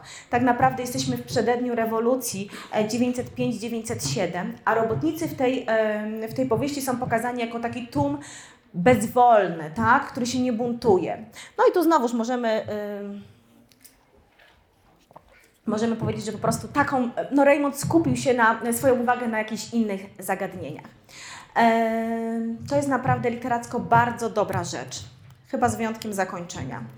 E, ponieważ Raymond dopisał zakończenie, które nie pasuje do obrazu całej tej powieści. Zupełnie inne niż jest w filmie. To, które zdał e, Wajda, e, bardziej wpisuje się w taką tak poprowadzoną postać Karola Borowieckiego, czyli lodzer męża, niż to, co zrobił Borowiecki, czy co zrobił Borowiecki w zakończeniu powieści.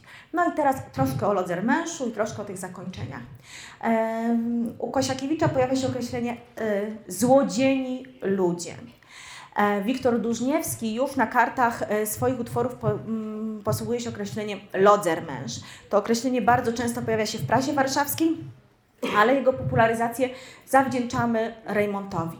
Lodzer męż, człowiek z Łodzi, człowiek łódzki. E, człowiek, który bezwzględnie dąży do zdobycia majątku, dla którego nie ma rzeczy ważniejszej niż pozycja, niż pieniądze, ale też człowiek, który identyfikuje się poprzez związek z miastem. E, to zastanawiało e, właśnie tych korespondentów z Warszawy, że przyjeżdżają i pytają: A ty kim jesteś?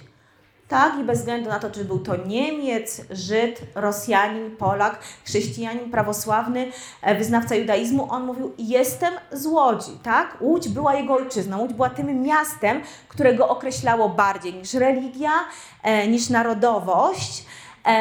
Zobaczcie, to jest. To jest um, chyba często tego słowa używam, ale jest to swego rodzaju fenomen, bo bycie lodzermenszem to nie jest to samo, co bycie krakowiakiem, tak? gdańszczaninem, warszawiakiem. To jest określenie siebie poprzez związek, świadomy związek z miastem. To określenie oczywiście w tamtych czasach miało znaczenie pejoratywne, to znaczy lodzermensz to jest człowiek drapieżnie dążący do, e, do celu, który dla pieniędzy jest gotów zrobić wiele. Ale z drugiej strony, gdyby nie ci lodzermensze, no to pewnie dalej by tutaj hasały jelenie, o których pisał Flat. Nie byłoby kolei, nie byłoby tych wszystkich budynków, które wpisały się w tkankę naszego miasta, e, bo to właśnie zawdzięczamy tym ludziom, którzy przyjechali tutaj z zewnątrz i dla tego miasta chcieli pracować. Oczywiście ja też nie jestem, daleka jestem od gloryfikowania, od gloryfikowania fabrykantów, ale miejmy świadomość tego, że ten wielonarodowościowy E, wielonarodowościowi fabrykanci, Niemcy, Żydzi, oni przyjechali tutaj i swój kapitał, swój czas, swoje serce inwestowali w to miasto.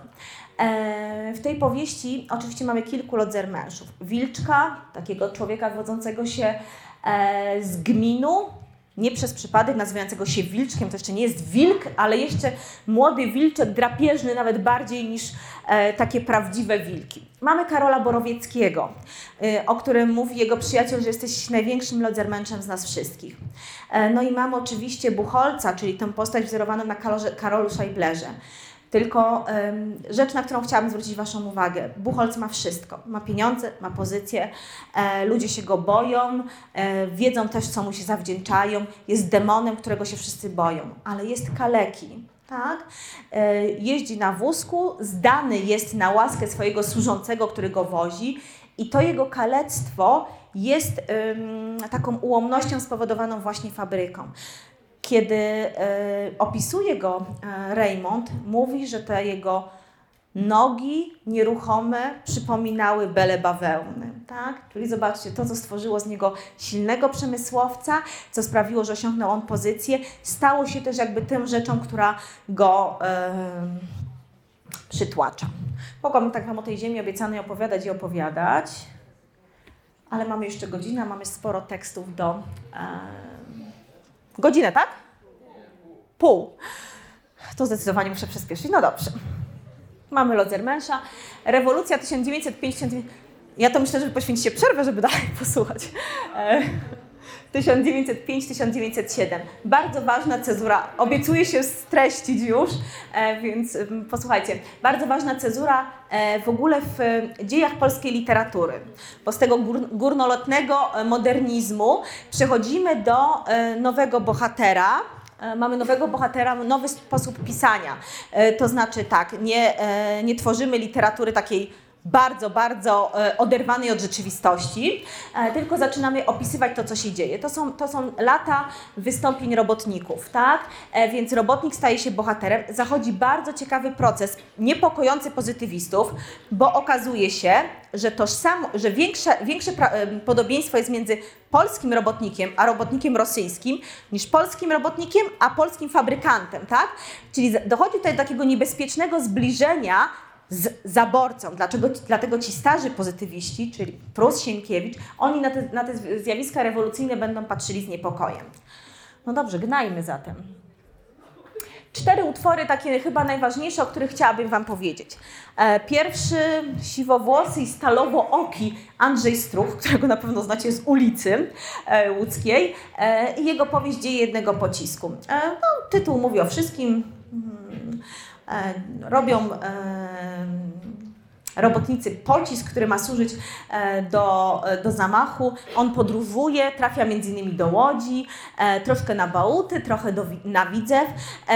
No i tutaj jest to taki, taki te, ten ruch rewolucyjny jest też sposobem pokazania tego, jak, jak żyje ta rewolucja w mieście, ale też jak człowiek, no mam tutaj opis takiej starej robotnicy fabrycznej, która przypomina taką mitologiczną parkę, która wszędzie gdzieś tam te nici, mimo że już jest stara, e, jej syn właśnie też z tym pociskiem ma pewne do czynienia. Nie będę Wam już całej tej powieści opowiadała, bo czasu nie mamy. Druga, e, Kazimierz Lawskowski, Lockout. Powieść, która pokazuje proces odwrotny. Wy jesteście przyzwyczajeni do tego, że jak już jest coś w tym 905 się działo, czy 907, no to był strajk, czyli robotnicy mówili tak, nie podniesiecie nam pensji, nie poprawicie warunków pracy, to my nie będziemy pracować. Lockout jest zjawiskiem odwrotnym, tak? Czyli Wtedy y, to jest takie zjawisko, kiedy to fabrykant podejmuje decyzję o zamknięciu fabryki. Tak, robotnicy żądają czegoś tam, ja im tego nie chcę dać, zamknę fabrykę, poczekam aż zmiękną. No i o tym opowiada Lockout. E, to też jest utwór taki bardzo słabiutki literacko. Jakby okazuje się, że pretekstem do lockoutu mogło stać się odrzucone przez pewną łódzką robotnicę zaloty fabrykanta. No oczywiście jest to bardzo mało realne. No ale samo to zjawisko jest ciekawe. E, też Wam powiem, że na przykład Bolesław Bolesław Prus uważał, że lockout jest wielką zbrodnią, poza tym jak strajki powinni się robotnicy dogadać. Tak to wyglądało z perspektywy Warszawy. Kolejny pan, ten taki w nostalgicznej pozie, Zygmunt Bartkiewicz, jego cykl reportaży Złe Miasto. Sama postać Zygmunta Bartkiewicza jest bardzo ciekawa, dla Łodzi ważna, bo otworzył tutaj w mieście pierwszy salon artystyczny, pierwszą galerię artystyczną, e, a ten jego zbiór reportaży o tyle ciekawy, że, jak, że jakby Rejmontowi zawdzięczamy to określenie ziemia obiecana, tak? Bartkiewiczowi złe miasto. E, ta metafora u Rejmonta była, e, była pokazana w taki sposób prześmiewczy. Tak? On nie pokazuje tam żadnej ziemi obiecanej. Nawet dlatego, dlatego Buchholca uczyni jest ziemią obiecaną, bo czyni go kalekim. Dla wielu tysięcy ludzi, którzy tu przyjeżdżali, to było właśnie złe miasto. I o tym pisał Tuwim, trochę później mówił o tym to, było dobre, to była ziemia obiecana dla kilku i złe miasto dla tysięcy robotników. No więc mamy ten cykl reportaży i ostatnia powieść, najbardziej chyba, chociaż może nie jednego z, z bardziej popularnych wówczas pisarzy, e, czyli Mariana Gawalewicza Wir. E, ta metafora wiru, wirów e, pojawia się też u Sienkiewicza właśnie na to, żeby opisać e, ten, to wrzenie rewolucyjne. Dwudziestolecie międzywojenne. E, w ubiegłym roku obchodziliśmy hucznie odzyskanie przez Polskę niepodległości. E, to oczywiście data bardzo ważna. I teraz wyobraźcie sobie, że e, Polska odzyskuje niepodległość i okazuje się, że w Łodzi analfabetyzm sięga 60%. Tak? 60% łodzian nie potrafi czytać, nie potrafi pisać dorosłych łodzian. Być może kojarzycie taki fragment kwiatów polskich o kolorowych tramwajach, tak? Zieloną piątką się dojedzie do Zielonego Helenowa. Jak to pięknie brzmi trochę słabiej, jak uświadomimy sobie, że te kolory tramwajów nie wynikały e, z troski władz miasta o estetykę, tylko wynikały z tego, że ten odsetek analfabetu, e, analfabetyzmu był tak duży. Tak? Nie każdy wiedział, jak wygląda piątka, ale już każdy wiedział, jak wygląda kolor zielony. Dlatego te łódzkie tramwaje miały oznaczenia dwojakiego rodzaju. Była cyfra i oprócz tego jeszcze kolor. E, no i jakby jednym z pierwszych zarządzeń e, niepodległego państwa było e, powszechny obowiązek edukacji. To było bardzo ważne. No ale co? Czyli tak dzieci zaczęły się uczyć. Ale co zrobić e, z tymi, którzy są już dorośli? No próbowano ich uczyć czy przyzwyczaić do czytania poprzez literaturę. To taki zlepek tytułów. Dlaczego pozwalam sobie pokazać Wam gazety? E, no, trudno oczekiwać od robotników, którzy pracują. Mamy czasy ogromnego kryzysu światowego, który odbija się na łodzi. E, pojawiają się gazety, e, tak zwane gazety jednogroszowe, czyli bardzo, bardzo tanie. Wśród nich przoduje koncern Republika, który wydaje Ekspres Wieczorny Ilustrowany. To jest taka gazeta, która była gazetą, przy której fakt współczesny jest gazetą e, stonowaną, tak? To znaczy była gazeta, która miała e, epatować zbrodnią, krzykliwymi tytułami. No zobaczmy, co tu mamy. Samobójstwo uczniów, kurato, kurateria przeprowadza dochodzenie, amant w sukni, w niewieścim przebraniu chciał złożyć ukochanej wizytę. Kula awanturnika raniła kobietę z dzieckiem na ręku. Biskup jako duch zdarł z łóżka kołdrę, bo było mu zimno. Tortury pasażerów łódzkich tramwajów dojazdowych. Straszliwe przebudzenie oblała śpiącego kochanka kwasem solnym. E, te gazety określane były mianem takich gazet, w których krew pojawia się już na pierwszej stronie. Dlaczego Wam o tym mówię? Dlatego, że chciano, aby te tytuły i te treści, które są zawarte w tych gazetach, sprowokowały ludzi do kupienia i do czytania. No to może pójść krok dalej i w tych gazetach zacząć drukować powieści, które ludzie będą czytać. No i tak się stało. E, zaczęły się w tej, w tej prasie taniej, bul, e, takiej bulwarowej prasie ukazywać się utwory literackie, które e, miały przyzwyczaić łodzian do czytania. No oczywiście nie mo można było Sienkiewicza i można było Prusa i można było Rzeszkową, tylko tego by nie przeczytał. Więc e, zaczęto drukować powieści bardzo mocno osadzone w topografii miasta, najczęściej z bardzo taką wyrazistą intrygą kryminalną, przesycone opisami zbrodni i scenami erotycznymi. No bo to są dwie rzeczy, które się sprzedają świetnie, tak? Zobaczmy... Mm, Jakie były te tytuły? Na przykład Szatan Łodzi, powieść awanturniczo-obyczajowa z życia łódzkiego, Wampir Baut, romans awanturniczo-erotyczny ostety na tle zdarzeń prawdziwych, Demon Czarnej Willi, powieść sensacyjno-erotyczna z życia Łodzi, Złota Mańka, kryminalny romans kinematograficzny, Pałac Sześciu Duchów w podziemiach Starego Miasta, awanturniczy romans łódzki osnuty na tle zdarzeń prawdziwych.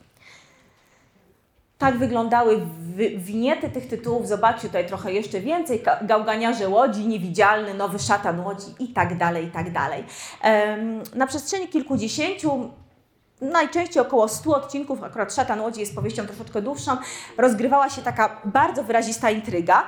Pisane było to tak, jak pisali um, pozytywiści, czyli trzeba było zawiesić odcinek w momencie, koniec odcinka w takim momencie, żeby następnego dnia lecieć, kupić gazetę i ją dalej przeczytać. E, kolejny slajd też pokazujący jak te gazety wyglądały, zobaczcie, one były zapowiadane. Dziś Ekspres Wieczorny rozpoczął druk sensacyjnej powieści z życia Łodzi pod tytułem Szatan Łodzi. Ale chciałabym zwrócić Waszą uwagę na te dwa e, utwory, bo są to takie pierwsze komiksy, które pojawiały się w łódzkiej prasie. Tak? Czyli zobaczcie, one są nazwane jako takie e, rysowany film, tak? Dobrzański rysował, Dobrzyński rysował taką, e, taką historię Lola Gzym, Sucka Titin, wesoła tragedia rozpalonych zmysłów w 50 aktach. 50 obrazków podpisanych czterowersowymi e, komentarzami, tak? Jakby opowiada historię łódzkiej robotnicy, która zostaje, która próbuje zrobić w Łodzi karierę. No i o żywocie Moryca Konto, rapsody frywolne, bardzo podobnie skonstruowana, e, po, e, bardzo podobnie skonstruowana historyjka. No to jeszcze nie są komiksy, ale już ta sama para, e, znaczy Dobrzański razem z Ochockim będą druko, rysowali komiksy Wicek i Wacek, bardzo popularne po II wojnie światowej. E, no było trochę awanturniczo i obrazoburczo, to wróćmy na właściwe tory literatury.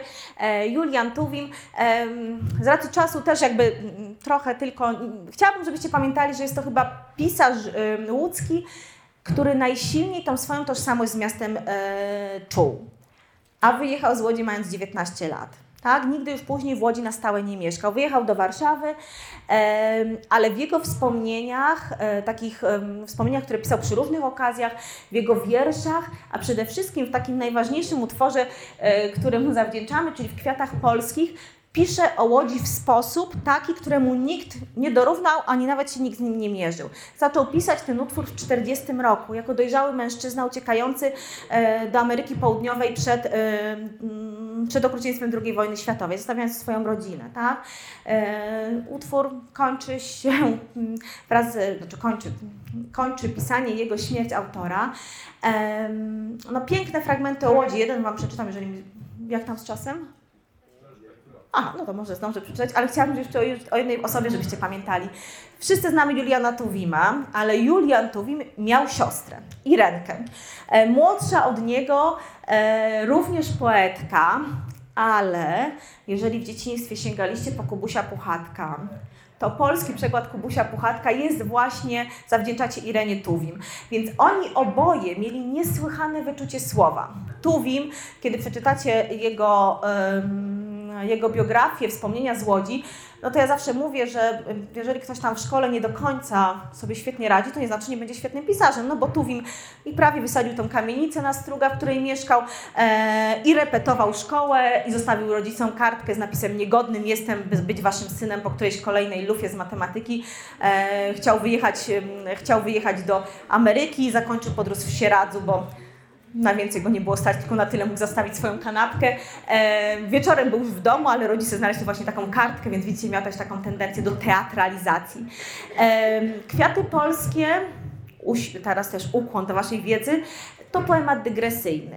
Tak, to nie jest utwór, który opowiada o Łodzi. Łódź jest w nim dygresją, Polska jest w nim dygresją.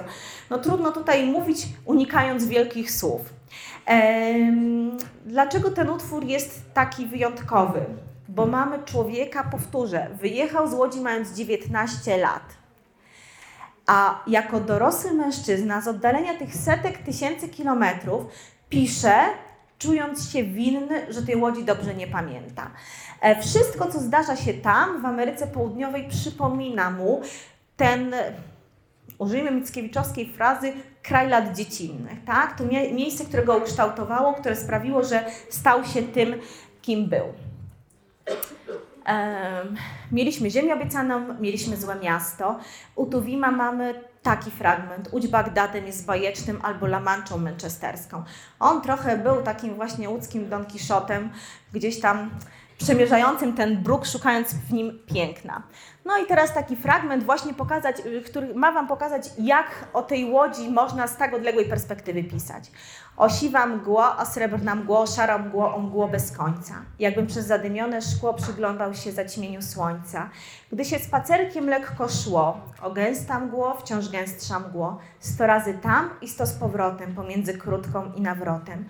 Przez welon łez, przez szary szron, przez mistką gazę półwidomą, znów widzę każdy sklep i dom i każde okno w każdym domu. Przez welon łez, przez szary szron, najbliżej do rodzinnych stron bo gdy tak mgliście jest to właśnie tęsknocie lżej, wspomnieniom jaśniej. Dziś w Rio dżdżysty polski dzień i polskie chmury niebo kryją, jak okręt widmo, okręt cień, dziś łódź wylądowała w Rio. Jak zawsze deszcz wyciąga mnie na spacer, a wenidą nie, od krótkiej do nawrotu, potem sto razy tam i sto z powrotem. Tak? Pewna sytuacja, deszczowy dzień pewnie w Rio mniej spotykany niż w Łodzi, staje się pretekstem do wspomnień. To jest też ciekawe. Ta, kawałek dalej, on idzie dalej um, tymi ulicami Łodzi, wchodzi na Piotrkowską sobie przypomina po kolei, co było, tak? jaki był sklep i w pewnym momencie staje taki bezsilny i zawstydzony w tym tekście mówi tak, łodzianie, wybaczcie mi, że nie pamiętam, przypomnijcie mi, co było dalej, tak? Te kilkadziesiąt lat po wyjeździe z Łodzi.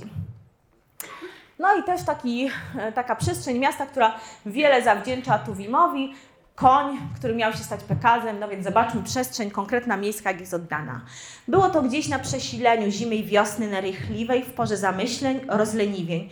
Leniuch był ze mnie straszny leniuch. Było to w pierwszych dni smętnienia za miłosnego bezkrólewia w czas Ewangelii, czas Chopina i konia, co na dachu rdzewiał. Tak, z okna widać było konia metalowego. Stał bez jeźdźca i dawno nęcił mnie konia, by wskoczyć i galopem z miejsca. A był to także czas zapatrzeń, w dym, szarość, nudę, czat ponury, gwiazdy, słabość wciąż i rzadsze, więc się zbuntujmy i ożyjmy, rumaku weterynaryjny. Wzlećmy nad ten kominogród, w pełen astralnych zwierząt ogród, w świętego Jany sny prorocze. Do pierwszej dowieś mnie mgławicy, a kiedy się na zodiak wtoczę, tam cię już puszczę, tam przeskoczę na grzbiet gwieździstej niedźwiedzicy lecz stał jak wryty z ziąb i przemógł, dym gryzł go w oczy, żarła rdza, a nie odwrócił nawet łba, nawet nie zarżał. Trudno, nie mógł. No i nie odleciał do tej pory e, rumak, który miał się stać Pegazem. Tak? E, jeszcze jedna rzecz, o której chciałabym Wam powiedzieć. E, w dwudziestoleciu międzywojennym pojawia się bardzo ważna po raz kolejny kobieca perspektywa. Nie wiem, gdzieś mi ten slajd uciekł, nie mam go, ale chciałabym, żebyście e, też mieli świadomość. Maria Przedborska, e, kobieta, która była e, poetką, ale przede wszystkim inspektorem fabrycznym. Tak? Ona bardzo wiele pisała wierszy, w których pokazywała sytuację kobiet pracujących w fabrykach. To znaczy kobiet, które do dziewiątego miesiąca ciąży w fabryce pracowały, tak? które e, po jakichkolwiek dolegliwościach, wypluwawszy płuca, e, rodząc dziecko, często tracąc ciążę, e, musiały wracać do pracy e, po dwóch tygodniach maksymalnie, bo tyle można było pozwolić sobie być na, na bycie na zwolnieniu. Dramatyczna sytuacja kobiet. Jest taki wiersz pokolenia, w którym e, pisze tkaczka, tak, będąca w ciąży, że siedzi nad tym wrzecionem, tka i kołysze w swym łonie tkaczkę maleńką, tak? Kiedy ona umiera, e, mając lat 40, już jej 20-letnia córka pracuje przykrośnie, znowu w ciąży i ta sytuacja się będzie powtarzała. E, ta beznadzieja cykliczności, tego, że nie ma z tego zaklętego kręgu, wydawała się wtedy tak oczywista. Tak? To były lata 20 XX wieku. Wystarczyło 60 lat, 70, tak, kryzys, e, który dopadł w latach 90. spowodował, że e, ta sytuacja już jest dla nas sytuacją archaiczną. No nie ma czegoś takiego, tak? Pewnie gdybyśmy, gdyby ta sytuacja się nie zmieniła, no być może my teraz zamiast w tej pięknej auli siedzie, stałybyśmy przy krosnach. Druga wojna światowa. Oczywiście część tylko utworów, które o tym temacie mówią. E, najbardziej rozpisany temat to oczywiście tragedia getta. E, tutaj macie Drzewo Życia, trzy tomy Hawy Rosenbraw, e, Rozdartą kurtynę, Chłopcy z miasta Łodzi, Biedni ludzie z miasta Łódź. Rzecz najbardziej kontrowersyjna, jeżeli chodzi o oddanie realiów miasta. Rudka i bezsenność Jutki, dwie takie pozycje dla młodszych czytelników. E, I utwór no, z tej galerii zdjęć, z tego zestawienia chyba najważniejszy, czyli Andrzeja Barta, Fabryka Muchołapek. E, rzecz zupełnie wyjątkowa, bo spajająca dwie perspektywy. We współczesnym świecie dziennikarz ma przeprowadzić relację z procesu, z fikcyjnego procesu wytoczonego Chaimowi Mordechajowi Runkowskiemu, czyli przewodniczącemu starszeństwa Żydów w getcie łódzkim. On, powołany z zaświatów, e, przyjeżdża salonką, czyli tym wagonem, którym ponoć miał być wywieziony do Święcimia e, i ma stanąć tutaj we współczesnej Łodzi przed, przed procesem. E, któż może, któż może być sędzią? No, zdaje się, że jest to sąd ostateczny, tak? że to tylko Bóg ma taką możliwość, żeby przenieść e, i żyjących, i zmarłych, którzy stają do tego procesu, tak jako świadkowie. Pojawia się tu m.in. Janusz Korczak, pojawiają się so, siostry Franca Kawki, które zginęły w łódzkim getcie. Ale najważniejsze chyba i najbardziej niepokojące i dające do myślenia, mam nadzieję, jest to, e, że właśnie ten dziennikarz zakochuje się e, w pięknej Dorze, która jest postacią z przeszłości, tak? Bierze ją na spacer po łodzi, ruszają na Bałty i okazuje się, że Dora poznaje te miejsca, w których mieszkała. Że Bałty tak niewiele się zmieniły, że wchodzi do swojego mieszkania i w jednym z regałów znajduje książkę, która, e, która została jej ofiarowana przez ojca jeszcze przed wojną. Tak? E, ten taki e, motyw palimpsestowości, nakładania się planów historii na Bałutach jest bardzo, e, bardzo częstym motywem w tych łódzkich historiach. E, I rzecz, którą powiem, bo wydaje mi się, że to jest rzecz warta refleksji. E, mówi ten bohater, który prowadzi pod rękę piękną Żydówkę, która prawdopodobnie e, nie przetrwała getta. E, I zakrywa przed nią antysemickie, kibicowskie napisy na łódzkich murach. Bo jak wytłumaczyć no, komuś takiemu, że po takiej tragedii określenie Judę, pisane pod nazwą któregokolwiek z ludzkich klubów, jest najgorszą obelgą, jaka w tym mieście, które przeszło taką traumę, e, może się e, pojawić. On nie potrafi tego wytłumaczyć. To jest zresztą e, problem, który u Barta pojawia się, tak? Że trudno po tym wszystkim wyobrazić sobie, że ktoś jeszcze będzie mógł traktować to jako obelgę. No i tutaj powróćmy do tego, co się stało, stało kilka dni temu, tak? Nie bądźmy obojętni. No i mam nadzieję, że Wy nie jesteście z tych, co po tych murach piszą. Ale myślę, że to jest, jeżeli którykolwiek z tego mielibyście przeczytać, to na pewno ta fabryka muchołapek jest niepokojąca. Ech, no właśnie, współczesne opowieści o Łodzi. Mit, hit czy kit. Ile z tego jest? Oczywiście też nie wszystkie utwory mogę Wam pokazać, no bo trochę mamy mało czasu, ale część. No zobaczcie, pewnie bardziej obszerna tam e, to zestawienie niż, niż sądziliście. Em, Blondynka z miasta Łodzi, e, czereśnie zawsze muszą być dwie, taki romansik, e, niebezpieczna gra, e, szepty z zagrobu, to w większości są kryminały. To jest też ciekawe, że Łódź współcześnie pojawia się najczęściej na kartach kryminałów. Są to często kryminały retro, jak Perkalowy Dybuk, e, ale też i bardzo współczesne rzeczy, chociażby Lampiony. E, Mecz o życie to jest taki utwór, który, w którym też ma, dzieje się w Łodzi w latach 80., a jakby fabułą, do, fabułą do tej, znaczy może inaczej, kanwą e, tej opowieści są pucharowe mecze Widzewa, tak, grane w latach 80., kiedy Widzew gościł mi- między innymi Juventus Turyn, ale nie na stadionie Widzewa, bo on nie był wtedy jeszcze oświetlony, tylko właśnie na stadionie UKS-u. Więc jeżeli tutaj mamy panów, którzy mają takie zacięcie piłkarskie i bez względu na to, któremu klubowi kibicujecie, to warto em, zobaczyć, no bo mamy pokazany wielki Widzew na stadionie ŁKS-u. Całą tą atmosferę z papierosami, e, z kibicowaniem e, jest tutaj oddany. Też bardzo ciekawy obraz miasta, e, no a dzieją się w tle zbrodnie niesamowite. Poleca też taka, myślę, że rzecz warta zaznaczenia, to Aleja Włókniarek Marty Madejskiej, właśnie rzecz pokazująca współczesną perspektywę taką mm, na, to, na tą sytuację kobiet w Łodzi. No i Nienacki, autor, myślę, którego możecie znać z innych nie wiem, czy teraz czytacie jeszcze Nienackiego, ale Laseczka i Tajemnica też dzieje się w latach 80. w Łodzi, więc można też taką, taką łódź prześledzić. Już zmierzamy ku końcowi.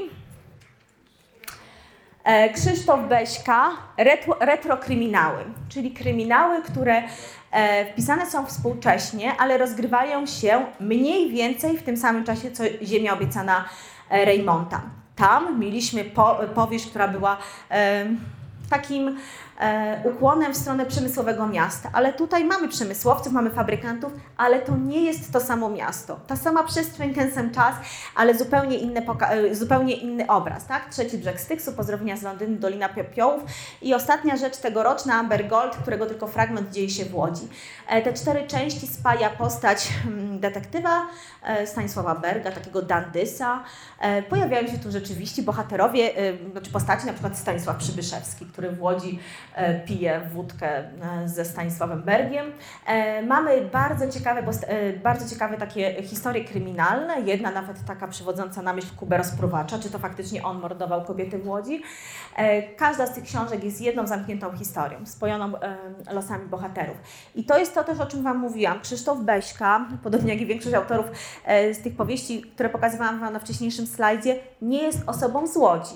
Tak? Czyli zobaczcie, ktoś, kto mieszka na Mazurach, e, wymyślił sobie, że swoją powieść napisze, czy jej akcja będzie rozgrywała się w Łodzi.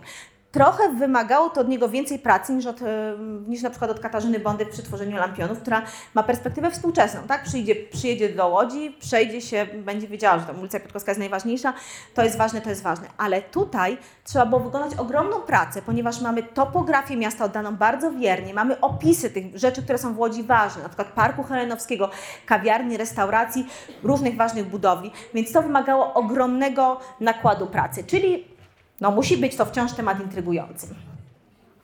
Chyba już nie będę miała czasu, żeby o tym powiedzieć, ale rzadko się zdarza, że literatura staje się em, tematem procesu sądowego. Tak dzieje się w tym wypadku. Recepta na miliony, na recepta na miliony Lesmana to powieść, która e, pokazuje życie, e, kończyć już mam, tak? No, to właśnie, to polecam, żeby to przeczytać. E, I ostatnia rzecz, e, też mm, bardzo świeża, kryminały w stylu takim skandynawskim. E, Krzysztofa Domarackiego, Trans e, Detox Reset. Trans, uważajcie Panie, rozpoczyna się od morderstwa w budynku Wydziału Filologicznego, tym nowym, czyli w tym, w którym jesteście. Znaczy, em, może nie tutaj mordują, ale mordują naszą studentkę.